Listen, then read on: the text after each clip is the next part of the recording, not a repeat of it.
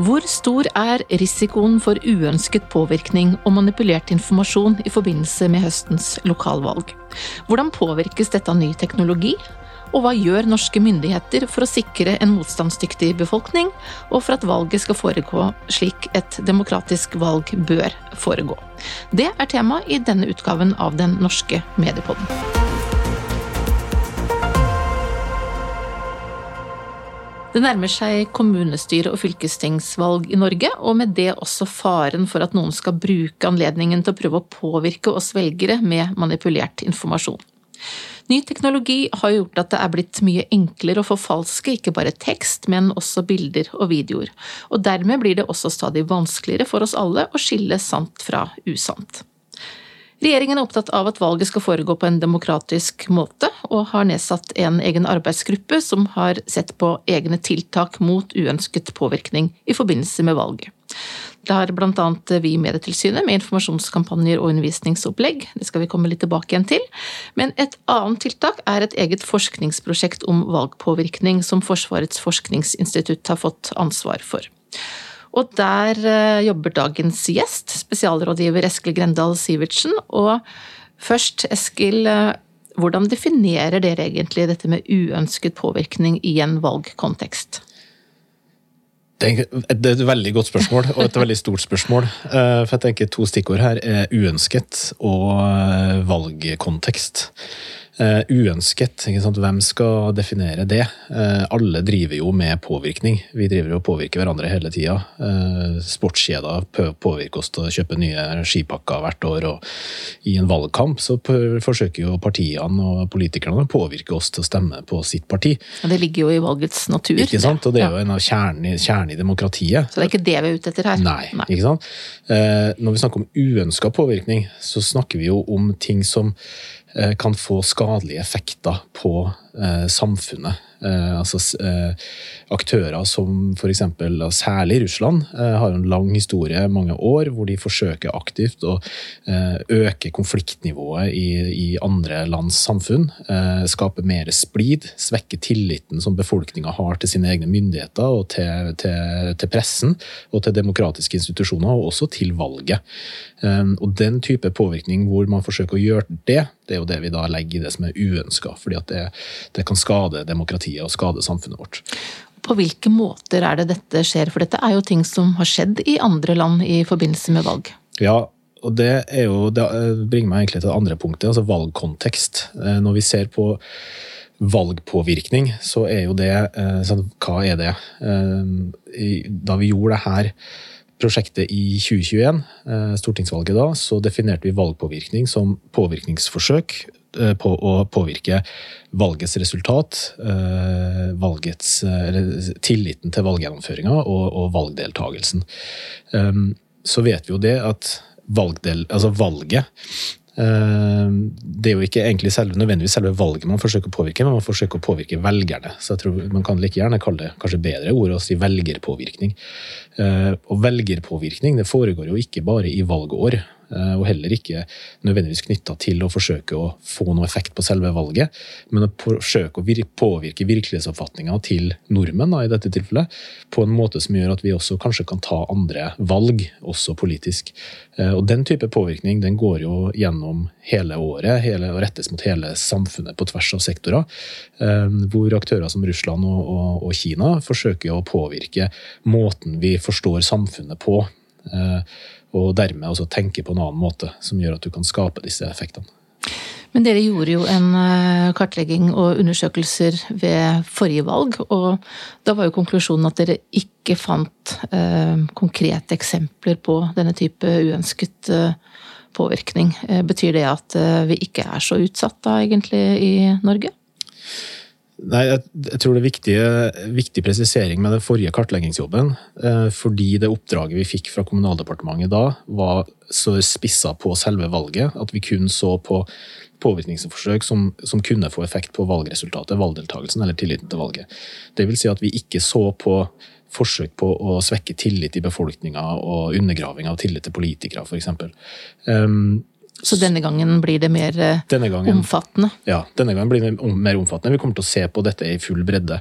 Men det gjorde også at konklusjonen vår, basert på for dette er jo en forskningsarbeid vi driver med, og da har vi jo noen forskningsspørsmål som vi ønsker å finne svar på.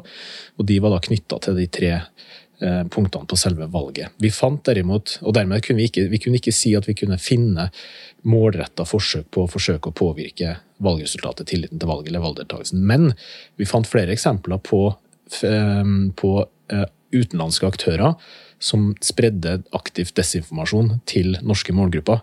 Eh, og det er det flere eksempler på, og det er jo vedvarende foregår hele tiden. Men fordi vi ikke kunne knytte til selve valget, så ble jo da konklusjonen deretter. Eh, og det tenker jeg at nå vet vi jo ikke hva vi vil finne i år. Men siden vi kan se bredere på det, så kan vi i hvert fall si noe mer fornuftig om hva som eventuelt foregår, selv om det ikke er nødvendigvis knytta til selve valget. Men går det an å si noe om eh, risikoen for uønsket påvirkning i forbindelse med valget? Dette er jo et eh, lokalvalg. Hvor interessant er det f.eks. for, for eh, fremmede makter? Hvordan vurderer du risikoen? Kan du si noe om det? Jeg synes Det er vanskelig å vurdere risiko, men jeg tror vi skal ta inn over oss at årets valg foregår med et annet bakteppe enn uh, en forrige valg. Da tenker du særlig på Ukrainas situasjon, ikke sant? Ja. Vi har en helt annen sikkerhetspolitisk situasjon uh, med Russlands uh, fullskala krig mot Ukraina. og følgeeffektene av det i, i, internasjonal politikk. Norge er har, så vidt vi vet, i stor grad vært forskåna for de store målretta forsøkene på, på, påvirkningskampanjer som andre land har opplevd, inkludert Sverige, som er vårt naboland. Eh, men jeg tror vi skal være klar over at bakteppet nå er av en sånn art at vi må i hvert fall være forberedt på at det kan skje, og ikke bli overraska. Eh, og så er det ikke sikkert at hensikten til aktører, f.eks. russiske aktører, da, eh, nødvendigvis trenger å være å påvirke kommunevalget men, eh, men benytte anledningen som valget gir til å måte, fiske i rørt vann. Eh, I valg, et valgår, og særlig under en valgkamp, så er en politiske engasjementet høyere eh, hos folk. Debatten eh, er kraftigere, og det er sånn sett eh, enklere å, å, få oppmerksomhet på saker. Eh, så det kan være en anledning til å, å øke polarisering og få oss til å krangle om saker. Det kan være en anledning til å bare skape uro. F.eks. Ehm, ta ned nettsider eller, eh, eller gjøre andre sånne type tiltak, som ikke nødvendigvis kan si at for være et forsøk på å påvirke valget, men som kan skape forstyrrelser og uro i Norge gjennom valgåret. Et annet eksempel som eh, man har sett, er jo at eh, noen som nettopp ønsker å forstyrre, sørger for at det blir så mye trafikk inn mot noen nettsider at de som oppsøker de for å få informasjon, faktisk ikke får den informasjonen tilgjengelig. Det er jo en annen måte, eh, som det vel også har vært eksempler på. Ja, vi har sett flere eksempler i, i siste også på såkalte tjenestenektangrep, eller DDoS-angrep. Uh, og jeg tenker det er Et godt eksempel på hvordan disse tingene henger sammen når vi snakker om cyberoperasjoner og dataangrep. Um, for eksempel så ja, Nå er det ikke lenge siden vi hadde dataangrep mot tolv uh, departement. Um, i fjor så hadde vi jo den russiske hackergruppa Killnet. Eh, gikk ut på sosiale medier og sa at nå kommer vi til å eh, rette et dataangrep mot eh, politiet, Arbeidstilsynet, Nav og et par andre. Eh, og la ut et bilde av Anniken Huitfeldt, utenriksministeren, som den onde Disney-prinsessen. og og laga litt rabalder på sosiale medier. Og så kjørte de et sånt tjenestenektangrep mot disse nettsidene. Eh, og det er jo sånn teknisk sett egentlig bare en rampestrek. Det påvirker ikke infrastrukturen eller tjenestene, det er bare å, å sørge for at frontend, altså selve nettsida, ikke fungerer i en liten periode. Eh, men norske myndigheter, nei ikke norske myndigheter, norsk presse Eh, skrev jo masse om dette. At nå er vi utsatt for, eh, for dataangrep fra en Killnet, den russiske hackergruppa. Eh, og sånn sett fikk jo denne aksjonen, selv om den var såpass egentlig uskyldig, så fikk den veldig mye oppmerksomhet. Og det setter jo pressen i et dilemma, fordi for på den ene siden så må man jo omtale når sånt skjer, og på den andre siden så er det hensyn til at den omtalen ikke fører til at de som ønsker oppmerksomhet, får unødig oppmerksomhet. Nettopp, og jeg tror at den, den, aksjonen der kan være et godt eksempel på at det vi kaller cyberoperasjoner, kan ha også som hensikt å skape kognitive effekter. Altså Hensikten her tror jeg nok var å bare skape frykt og uro i det norske samfunnet. Eh, og den effekten, i, i, i den grad de, de, klarte å oppnå det, så, så, skapes jo den gjennom at norsk presse skriver om dette. Og hvis man gjør det med krigstyper og overdriver hva dette er, at nå er politiet og de store, viktige norske aktører utsatt for dataangrep fra Russland, så høres det skummelt ut, selv om det egentlig ikke var det. Eh, og så betyr ikke det at ikke pressen skal skrive om det, men det er jo et dilemma, som jeg sa. Og jeg tenker at det kan være hensiktsmessig at også media i en sånn periode, spesielt, men også generelt, eh, prøver å ha en balansert framstilling av hva vi egentlig snakker om. Men hva bør folk flest være oppmerksomme på eh, når det gjelder uønsket påvirkning? Hva er det som bør få noen bjeller til å ringe hvis man kommer over type innhold som kan være manipulert på en eller annen måte. Ja, Der syns jeg jo Medietilsynets kampanje sier det veldig godt. Stopp, tenk, sjekk, sier vi. Stopp, tenk, sjekk. Eh, det som kjennetegner eh, altså Det aktører som forsøker å, å skape sånne effekter, eh, ofte gjør, er å bruke fortelle historier, spre bilder, fortellinger, påstander, rykter som treffer oss i hjertet, og som skaper en sterk reaksjon, og som regel sinne. Altså, hva, følelsesstyrt er det jo ofte. Ja. Hva i all verden er det her? Og hvis det passer med det du kanskje allerede tenker litt fra før, så, så, har vi jo lavere terskel for å dele det og ikke sjekke om det er sant. Så jeg tenker det er en god huskeregel at hvis vi ser ting som gjør oss opprørt, så trekk pusten og så sjekke med andre troverdige kilder. Er det her sant? Er det riktig framstilt? Eh, før vi deler det. Um, og da kan vi jo ha muligheten til å stoppe. Og hvis hver av oss har jo et ansvar her, hvis, vi, hvis, færre deler sånne ting, så blir det mindre spredning, og da vil vi kanskje redusere effekten, eller muligheten for at aktører kan, kan, oppnå den splittende effekten som de kan forsøke å skape. Og nettopp det å sjekke grundig før man deler videre er jo viktig, fordi ting sprer seg jo fort i sosiale medier. Eh, og da å undersøke om eh, flere har omtalt den samme saken f.eks., eller om det er en kilde som man kan stole på. Vi pleier jo å anbefale å sjekke med redaktørstyrte medier, for de har jo både en redaktør som har ansvar for kvalitetssikring og ellers eh, rutiner og strukturer som eh, gjør at eh, ting skal sjekkes før det går ut. Og det er jo ikke sånn når det gjelder en del andre aktører som opererer på sosiale medier f.eks. Nei, det er helt riktig. Og så betyr jo ikke det at redaksjonelle medier heller aldri gjør feil. Det er vanskeligere også å være journalist og finne ut hva som er sant og ikke sant. Så det er vanskeligere arbeidsvilkår for dem, og det stiller et større ansvar på, på pressen. Men jeg tenker det er veldig viktig at vi, at vi opprettholder det for, tilliten til at de, det er den beste kilden å gå til. Og så har jeg lyst til å legge til en ting som vi ofte kanskje ikke snakker om, når vi snakker om desinformasjon og falske nyheter. så Veldig mye som brukes nå, er jo også bilder og memes. Som ikke nødvendigvis er, som kan faktasjekkes, for det er, det er, ikke, det er kanskje bare humor eller sarkasme eller et eller annet sånn harselering av en gruppe eller en person eller et eller annet sånt, som er egnet til å forsterke holdninger. Hvis vi syns at politiker A er en stor idiot, og så får vi en sånn artig vitsetegning av at uh, han eller hun uh, fremstår som en idiot med en eller annen tullete kommentar, så kan jo det være uskyldig nok i seg selv, men hvis man har et ønske om å undergrave tilliten til politikere eller til partier, så kan det være effektivt. Og de kan ikke faktasjekkes på sånn måte. Så jeg ville også tenkt litt på hva, hva slags debatt er det jeg egentlig bidrar med, del til, med å spre sånne ting, og at man også tar et ansvar, samfunnsansvar, hver enkelt av oss, for å prøve å opprettholde en, en god, god offentlig debatt. PST har eh, jo fremhevet at de digitale trusselaktørene utvikler stadig mer avanserte metoder og virkemidler. Eh, og her får de vel eh, god drahjelp av den teknologiske utviklingen? Ja, det gjør de. Og det er jo kunstig intelligens da, som åpenbart nå eh, kommer som en potensiell game changer eh, innenfor det her, hvor evnen til og muligheten til å skape store mengder med det vi kaller syntetisk innhold, altså som er da, laga av datamaskiner, men som ser og høres eh, helt troverdig ut, er blitt veldig stor, og det er vanskelig å skille mellom bilder, tekst, eh, lydfiler om det er ekte eller ikke. og Det er klart at det åpner opp for et helt nytt spillerom for trusselaktører som ønsker å forsøke å manipulere. Og nettopp dette med ny teknologi generelt og eh, dette med deepfakes eh, spesielt har vi sett litt nærmere på i Medietilsynet i samarbeid med dere i eh, Forsvarets forskningsinstitutt i forbindelse med et nytt undervisningsopplegg. Vi har rettet det mot videregående skole, og særlig da mot førstegangsvelgere. For valg og påvirkning er et viktig tema i dette opplegget. Og der setter vi bl.a. søkelys på kunstig intelligens og de utfordringene som den nye teknologien fører med seg.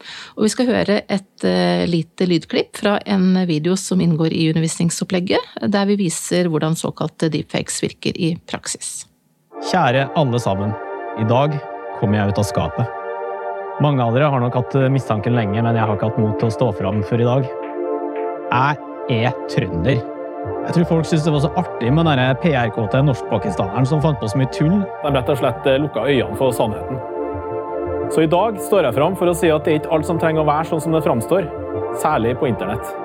Ja, her tar du altså over både ansikt og stemme eh, fra venstrepolitiker Abid eh, Raja Eskil Grendal eh, Sivertsen. Og jeg må skynde meg å si at dette jo ble gjort med Abid Rajas tillatelse. Og det kommer jo tydelig fram i videoen at dette er manipulert innhold, slik at ikke vi som offentlige myndigheter skal bidra til å lure noen. Men samtidig så viser jo denne videoen hvor lett det faktisk er å manipulere innhold også når det eh, da går an å, å, gjøre det med levende bilder og stemmer. Og da kan det jo bli ganske så utfordrende å være mediekonsument. Helt klart. Og siden dette er en podkast, så vil jo de som lytter på, høre at det var ikke stemmen til Abid Raja her, men det var min stemme, og så var han pitcha opp litt. Eh, I hvert fall innledende. Men når du ser det, eh, så er det faktisk eh, Ser det ut som om det er han som snakker? Når du ser det, så er det jo mer effektfullt. Men, men det, går, det, er fullt mulig å, å klone stemmen. Nå gjorde vi ikke det her, og det er to årsaker til det. Det ene er at det er mye enklere å gjøre det på engelsk, eh, for der har språkmodellene kommet lenger. og Der trenger du noen sekunders opptak av en persons stemme. Så kan du klone den stemmen, og, og da er det den personens stemme du hører. Eh, det er vanskeligere og mer tidkrevende å gjøre på norsk, så vi, gjorde, vi brukte min stemme her. Eh, I tillegg så var det jo også et poeng her, altså ikke gjøre den for deepfaka, så det skulle være ganske tydelig også at dette ikke er Abid Raja. Europol har anslått at innen 2026 eh, så kommer hele 90% av alt innhold på nett til å være kunstig generert. Det er ganske kraftige saker, egentlig, og da blir det jo både enklere og billigere å produsere propaganda, desinformasjon, falske nyheter og innhold. Um, og det er vel god grunn til å frykte at dette kommer til å gjøre det stadig vanskeligere å være kritisk eh, mediebruker. Um, det kan jo være lett å på en måte gi opp litt her, altså tenke at dette blir så vanskelig at det blir helt umulig for oss å vite hva vi kan eh, stole på. Hva tror du om utviklingen framover? Hvordan vil dette påvirke uh, egentlig hele demokratiet og samfunnsdebatten, uh, sånn som denne teknologien utvikler seg nå?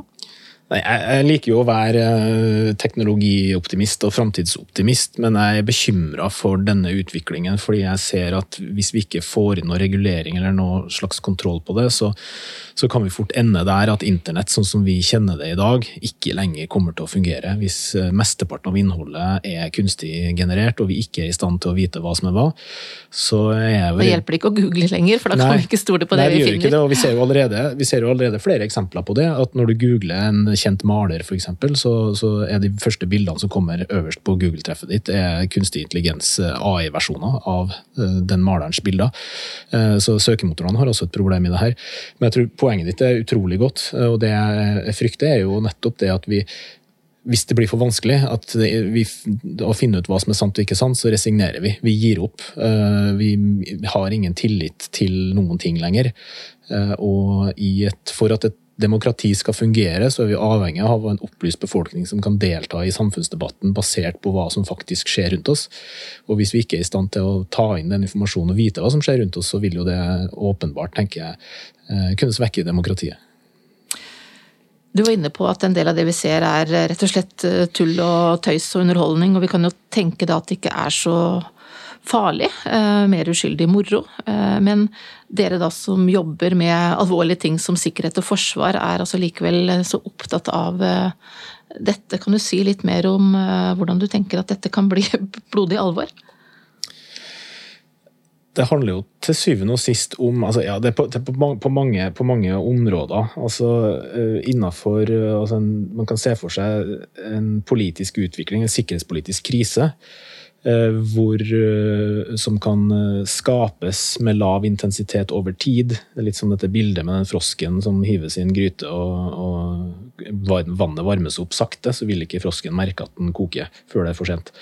Um, det vi har sett av påvirkning i andre land, jo, kan jo være egnet til å skape sånne situasjoner hvor, eh, hvor virkelighetsoppfatninga til eh, ikke bare befolkninga, men også til myndighetspersoner, til, eh, til beslutningstakere til, i Norge kan bli påvirka, sånn at, blir, at vi plutselig kan se at vi eller at vi ikke får det med oss, og at vi plutselig havner i en situasjon hvor noe skjer, og så, og så kommer vi for sent til festen fordi det har allerede oppstått noen effekter som vi, det er litt sent å snu. Eh, og så er vi også opptatt av um, som, eh, hvordan, altså Norges omdømme eh, internasjonalt. Vi har sett flere eksempler hvor eh, i Russland har forsøkt å, å svekke eh, andre lands omdømme overfor andre land. Det største, største, vi ser fra Russland nå, og har gjort over tid, det er jo eh, forsøk på å svekke Vestens og Europas posisjon i, i det globale sør, altså Afrika, Latin-Amerika og deler av Sør-Amerika, hvor, hvor, de spiller aktivt på eh, Europa eller europeiske land som tidligere kolonimakter, og spiller på den historien og det agget som ligger i, befolkninga, særlig i afrikanske land. Eh, Ekstremeksempelet er jo Mali, hvor, og hvor da Russland presenterer seg til sånn Europa og Vesten som imperialistiske bad guys, og Russland som den antiimperialistiske storebroren som det lønner seg å, å være venner med. Um, og det er klart at uh, Norge har også interesser internasjonalt. Vi er avhengig mm. av et, ikke bare et godt omdømme for å ivareta våre interesser på mange mange felt, men også sikkerhetspolitisk. Uh, og hvis vi kommer i en situasjon hvor hvor noe oppstår, og vi trenger eh, støtte politisk eller militært eller på andre måter fra eh, allierte land, og de allierte landene sitter med et feil inntrykk av hva som egentlig har skjedd, eller kanskje, ja, kanskje Norge kan være litt sånn skyld i å havne i den situasjonen her sjøl, at det er inntrykket, så kan det jo ta lengre tid eh, å få tatt gode beslutninger, og lengre tid også å få, få hjelp. Så det er mange områder hvor dette kan spilles ut på, som, som også har sikkerhetsmessige implikasjoner. Men kan vi gi noen eh, enkle råd til eh, folk flest i forhold til hvordan man kan eh, se hva som er kunstig innhold? Og ikke én ting var jo når vi snakket om tekst, og du kunne se på URL-er og sjekke med kilder osv., men når du altså kan gjøre endringer, sånn som i dette eksempelet med Abid Raja, når du da kan ha personer som det ser ut som at snakker, og sier noe som de aldri har sagt. Altså hvordan kan den enkelte av oss mistenke at vi kommer over noe som eh, er kunstig eh, laget. Noen ganger så kan man se det på kvaliteten, for det finnes jo mye altså, dårlig laga deepfakes. Så blir vel den bedre og bedre? Ja, det er ikke sant, så det er akkurat sant, så De rådene eller de, de, tipsene jeg gir nå, de kan jo være utdatert om et kvarter. Eh, så, men, men, fortsatt så ser vi jo mye altså, liksom, dårlig produksjon. At du ser at dette, altså mimikken og sånne subtile ting, altså dette, dette, ser merkelig ut. Ikke helt i synk og sånn? Ja. ja. Um, så det kan jo være et, et tegn. da. Et annet tegn kan jo være at altså, hvis det høres altså, helt oppsiktsvekkende usannsynlig ut, uh, at dette mennesket skulle ha sagt dette, så er det sannsynligvis det. Uh, så igjen da sjekke med andre kilder om er dette utsagnet sant. Men det er, jo, det er, jo, på kort sikt, da, når vi snakker om, om visuelle deepfakes. Uh, teknologien går så fort fram nå at jeg tror ikke det er lenge til den allment tilgjengelige deepfake-teknologien er såpass utbredt at, og med såpass høy kvalitet at det kan bli vanskelig for mennesket, og kanskje også umulig, å skille forskjell, altså se forskjell. Og da er vi jo avhengig av eh, maskiner til å gjøre det for oss. Og der foregår det jo et eh, kappløp hele tiden, og det kommer til å bli mer og mer intenst, tror jeg, med at man, man bruker kunstig intelligens for å lage falskt innhold, og så må man bruke kunstig intelligens for å avdekke, falskt innhold. Ja. ja. Så her blir det en eh, kamp mellom the good guy and the bad guy, egentlig. Det gjør det, også, og da vil man jo hele tida, og det ser vi jo allerede nå på ChatGPT og på altså tekst, kunstig intelligensprodusert tekst, hvor, hvor det finnes flere, flere kan du si, tjenester hvor du kan klippe ut en tekst som du også limer inn, og så få maskiner til å, å vurdere eh, i hvor stor grad tror maskiner at dette er menneskeskapt eller maskinskapt. Men de fungerer i svært varierende grad, eh, og det er på ingen måte noen garanti. Og det er masse eksempler på at AI eller kunstig intelligens-generert tekst eh, blir konkludert som menneskeskapt eh, av eh, noen av disse tjenestene. Eh, og, dette er jo en rivende utvikling, så det blir jo spennende eh, med et eh, litt sånn blanda fortegn å følge med på dette framover. Det er det ingen tvil om, og det aller første som blir spennende, det blir jo å følge med fram mot valget. Og så kan vi jo vente på rapporten fra dere i Forsvarets forskningsinstitutt, som altså skal følge særlig med på forsøk på uheldig påvirkning relatert til årets valg. Og så finnes det mye informasjon både om kritisk medieforståelse, kildekritikk og påvirkning på Medietilsynets nettsider, eh, som oppfordrer alle som er interessert i det, til å ta en nærmere kikk på. Men takk til deg, Eskil eh, Grendal Sivertsen, som da er spesialrådgiver i FFI. Og da gjenstår det bare for meg, som heter Mari Welsand og er direktør i Medietilsynet, å ønske oss alle et riktig godt valg.